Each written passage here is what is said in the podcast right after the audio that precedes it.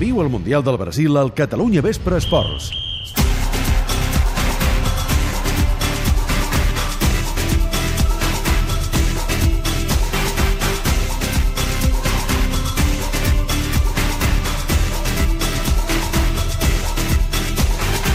Nova jornada al Mundial del Brasil, nova jornada amb protagonisme de Luis Suárez. Ara us explicarem per què l'uruguaià, la veritat és que tot i que la seva selecció està eliminada i ell ja fa dies que és a casa seva, continua eh, predominant les notícies que volten al, al voltant d'aquest Mundial del Brasil. Però abans comencem per l'actualitat futbolística del dia. Fa tot just uns minutets que tenim una altra selecció classificada pels quarts de final. Anem al Brasil, Xavi Campos, Laia Tudel, bona tarda. Bona tarda. I també el Ricard Torquemà de Barcelona. Ricard, bona tarda. Bona tarda. Xavi, has estat pendents del partit de França. Ha acabat guanyant 2 a 0 Nigèria, però potser li ha costat més del que s'esperaven els francesos, no? ha guanyat França 2 a 0 i sí, sí, els hi ha costat, eh? els dos gols han arribat cap al, cap al final, s'ha mantingut la, la igualtat que hem començat a viure en aquest Mundial quan han començat els partits de debò, els partits d'eliminatòria. Tots són de debò, però aquests són a cara a, a, cara a, o creu puja la tensió, a, a, augmenta la por i ha crescut la igualtat. Potser avui no hi ha hagut tanta por ni en francesos ni en nigerians, com per exemple amb el Brasil-Xile de dissabte, que va ser una autèntica pel·lícula de, Mm. de terror, però es nota que, que els partits són diferents que els de la fase de grups i, i a França fins als últims minuts, fins a l'últim quart de partit no, no se l'ha vist disposada a deixar-ho tot per aconseguir la victòria, fins i tot assumint algun risc. Els gols, l'1-0, a falta de 10 minuts ha fet poc, va, de cap, en un córner, i després d'una errada de Nyama, el porter de Nigèria, que ha fet grans aturades contra els davanters francesos, però que ha fallat en aquesta jugada, i ha estat la jugada que ha marcat el partit, ha fallat en el gol i queda una mica retratat aquest porter que segurament, ahir ho deia el Ricard Torquemada, és del més destacat de les porteries africanes. El 2 a 0 l'ha fet en pròpia porteria Josef Yobo, ja s'acabava el partit, era el temps de descompte, ha intentat evitar una rematada de Griezmann després d'una centrada de Balbuena, segurament si Yobo no posa el peu, Griezmann hagués fet el 2 a 0, però el gol ha estat en pròpia porteria. Ha estat un partit molt igualat, França ha estat bé, ha fet un pas endavant en aquesta recta final, sobretot gràcies a, a un canvi, Deschamps ha tret a Giroud i ha fet entrar Griezmann i d'aquesta manera s'ha trobat més amb Benzema i França ha estat més còmoda i després que Lloris traiés un xut des de fora de l'àrea de Nigèria amb cert perill a la segona meitat ha fet un pas endavant i en els últims minuts ha buscat insistentment el gol, l'han trobat, s'han classificat per quarts, segueix sense ser la millor selecció del Mundial, però són a quarts de final, els francesos tenen talent, físicament són unes bèsties i presenten candidatura. Aquest és el resum que fa el Xavi Campos. És de manera això de físicament són unes bèsties. N'hi ha unes quantes de seleccions que són bèsties físicament parlant, però Ricard, t'ha convençut França? Doncs no, no, com deia el Xavi, una mica en la línia del Mundial, a ratxes. Eh, juga moments, o té fases de partit on està exuberant i té fases de partit on, on es perd i desapareix. Ja ens ho va demostrar la primera fase, eh? dues golejades però en partits una mica irregulars, la primera mitja hora contra Honduras va ser fluixa, contra Suïssa els últims 20 minuts, 25 minuts van dimitir, eh, contra l'Equador amb els canvis van gestionar el partit. I avui han patit molt la primera, els primers 70 minuts, la primera hora i 10 de partit aproximadament. Eh, hi ha hagut moments fins i tot a l'inici de la segona part on Nigèria s'ha fet amb el partit i ha atacat. Ara bé, els últims 20-25 minuts de França són espectaculars. O sigui, l'última accelerada de França és de manual i coincideix, com deia el Xavi, absolutament d'acord amb la marxa de Giroud i l'entrada de Griezmann. Jo crec que Deschamps ja no ha de tenir dubtes, ha ballat entre una idea i l'altra, barrejar Giroud i Benzema eh, fer jugar Benzema com a nou en un 4-3-3 amb Griezmann, crec que avui s'ha demostrat que el més aconsellable per la selecció francesa és utilitzar Griezmann i Balbuena per fora i Benzema per dintre. Els últims 25 minuts, insisteixo, han estat molt bons. Eh, Niama ha estat el porter que ha evitat el, el gol de França fins la seva errada. Una errada que jo crec que és producte de l'accés de confiança. M'ha recordat aquelles sortides d'Encono amb una mà, eh, que això vol dir que el porter en aquell moment se sent autoritari, acabava de treure una pilota a Benzema Havia fet un parell o tres d'aturades, no? i en aquell moment que eren gols. pensat que era ja... Sí, ha saltat malament, a peu canviat, ha estirat un braç i la veritat és que s'ha deixat el, el gol. Després ha fet una altra aturada de xut de Griezmann que podia haver resolt el partit. La veritat és que a Enyama no se li pot retreure res com el dia de l'Argentina, tot i que s'hagi equivocat en algun gol durant el Mundial, ha tingut moments espectaculars. Una dada, 5, 5 vuitens de final, 5 classificats primers de grup, Uh -huh. i els 5 classificats no han perdut cap partit. És a dir, ara mateix els que són a quarts de final continuen invictes. I segons aquesta regla de 3, Alemanya ha estat primera de grup i Alemanya no ha perdut cap partit. No com que juguin, no? Una altra dada, una altra dada. Eh, hem fet l'entrevista a Miguel Herrera eliminat, ahir vam destacar a Nyama i li vam fer un perfilet i avui, mec, errada, vull dir, no sé si acabem de portar sort, jo crec que anem amb els... Home, No, perdona, aquesta, aquesta, tarda, aquesta tarda hem parlat amb Keylor Navas, per tant, Costa Doncs Rica no, no, ha no estat l'hem un de plaer, però em sembla que caureu a quarts de però final. i, Vols com, i això, no? compte que, que afegeixo Del Bosque i l'ant- el seleccionador d'Honduras, no, Xavi? Molt bé, molt bé, molt bé. Eh, totes 100%, les eh? entrevistes 100%. han anat molt ben dirigides, però compte, les hem fet just abans Sí. de quedar eliminats Sí, per sí. no menjar-nos-les. No, no, molt Clar, bé, clar, molt el moment sí. clau del campionat. Sí, sí, molt No, professional. del, del Bosque ja era al carrer.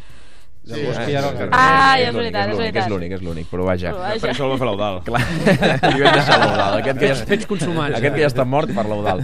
Eh, el que deia el Ricard, eh? eh? Tenim ja França classificada. Aquesta nit, en teoria, si es compleixen els pronòstics, hauria de classificar-s'hi Alemanya.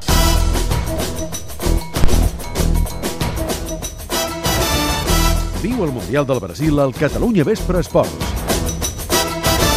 No només perquè acaba, va acabar primera del seu grup, no només perquè estigui invicta, sinó perquè sobre el paper és superior a Algèria. Una Algèria que arriba a l'AIA amb unes quantes eh, espinetes clavades, no?, al cos. Sí, perquè aquests dies hem sentit Joaquim Low, el seleccionador d'Alemanya, dient que pensar en la revenja d'Argèlia per tot allò que va passar al Mundial del 82 al Molinón era una tonteria perquè molts jugadors d'Argèlia no havien nascut quan va passar això, quan fa tre- 32 anys. Avui l'Eudal ho recordava al migdia, eh, aquest pacte del Molinón, eh, aquest partit entre Alemanya i Àustria que va perjudicar Argèlia, que la va deixar fora del Mundial, però el seleccionador argelià, Halilogic, no pensa el mateix. Perquè, atenció amb el que ell ha dit a la prèvia d'aquest partit.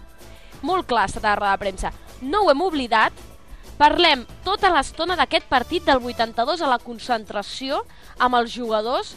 La història es repeteix 32 anys després i és una alegria indescriptible per nosaltres. És a dir, que ell és dels que creu que Halilovic és gat vell. a l'hora de eh? motivar els jugadors, el millor que pot fer és recordar filó això, eh? dit, "Anem a Sou, estimular". sou tots molt joves, Anem no us en recordeu, però jo us explicaré el que va passar el 82, eh?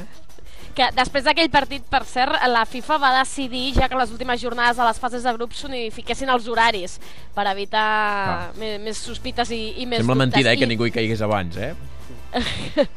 I un dels davanters d'aquella Argèlia perjudicada era Raba Matger, Mm. el famós davanter argelià que el recordareu pel gol de Taló, que No, li va donar la Champions a, a, al Porto davant del Bayern de Múnich.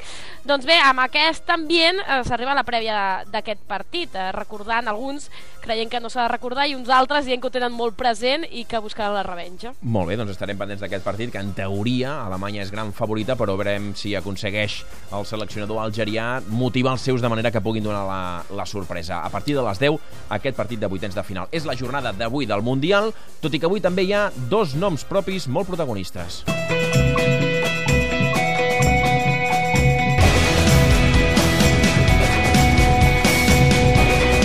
El primer, Xavi, és un que ja fa dies que és protagonista. Des que va donar aquella queixalada a Chiellini, hem parlat molt de Luis Suárez, que avui ha fet una cosa que molts li demanaven i que ell encara no havia fet, demanar disculpes.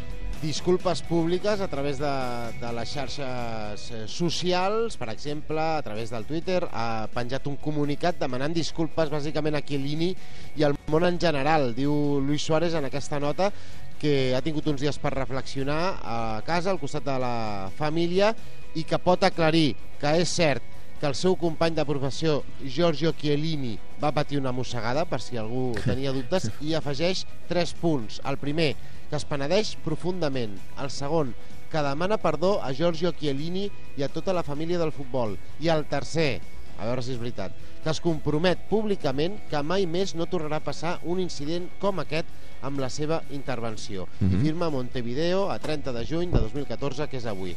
I, i gairebé a l'instant ha rebut la resposta positiva de Giorgio Chiellini, que també a través del Twitter ha acceptat les disculpes de Luis Suárez dient que tot està oblidat i fins i tot que espera que la FIFA li rebaixi la sanció. Molt bé, doncs aquest és el moviment que ha fet avui Luis Suárez, però aquest moviment té incidència directa en l'operació Barça-Liverpool-Luis Suárez.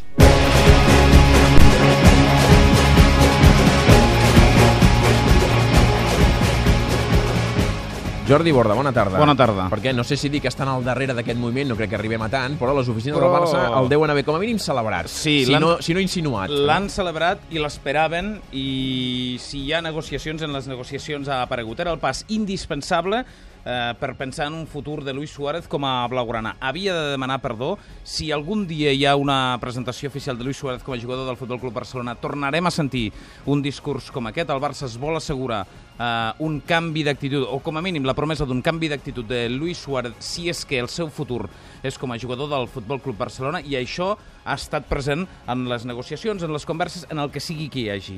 El preu, entenen des de les oficines del Barça, també hauria baixat. Mm. Explicaven que en, el, en la primera fase de tot plegat es parlava de 80 milions d'euros per una figura com Luis Suárez. Clar, tot el que ha passat danya la imatge del jugador i del club que el fitxi. També danya la imatge del, del Liverpool, que es veu forçat a, a Necessita treure'l del gairebé sobre. treure'l de sobre. Sí. Eh, per tant, home, tot això, eh, aquesta mossegada, eh, ho ha fet canviar tot una mica. A partir d'ara, a partir d'aquest comunicat que ens estava explicant el Xavi Campos, la cosa del terreny es va aplanant perquè el, el Barça acabi fent-se amb els serveis de Luis Suárez. Podríem dir que el que ha fet avui Luis Suárez era condició sine qua non perquè el Barça es plantegés el fitxatge. No hi havia cap altra opció. Si no feia això, no crec que hagués acabat com a jugador del Barça, si és que al final se'n surt. Deixa'm dir que també per, per l'apel·lació és imprescindible també, el penediment. De fet, hi ha qui diu que, si la, no- que la sanció va ser tan dura perquè fins al moment de la sanció Luis Suárez no havia mostrat cap penediment. Fins i tot va negar haver fet res i que no s'havien de mirar les coses que passaven sobre la gespa i potser el que busquen també entre uns i altres Si és ha d'arribar sanció, tas, també necessita, clar, aquest argument. no? Vaja, doncs eh, ja veieu que n'hem parlat molt de Luis Suárez en els últims dies i fa la pinta que en els pròxims en continuarem parlant.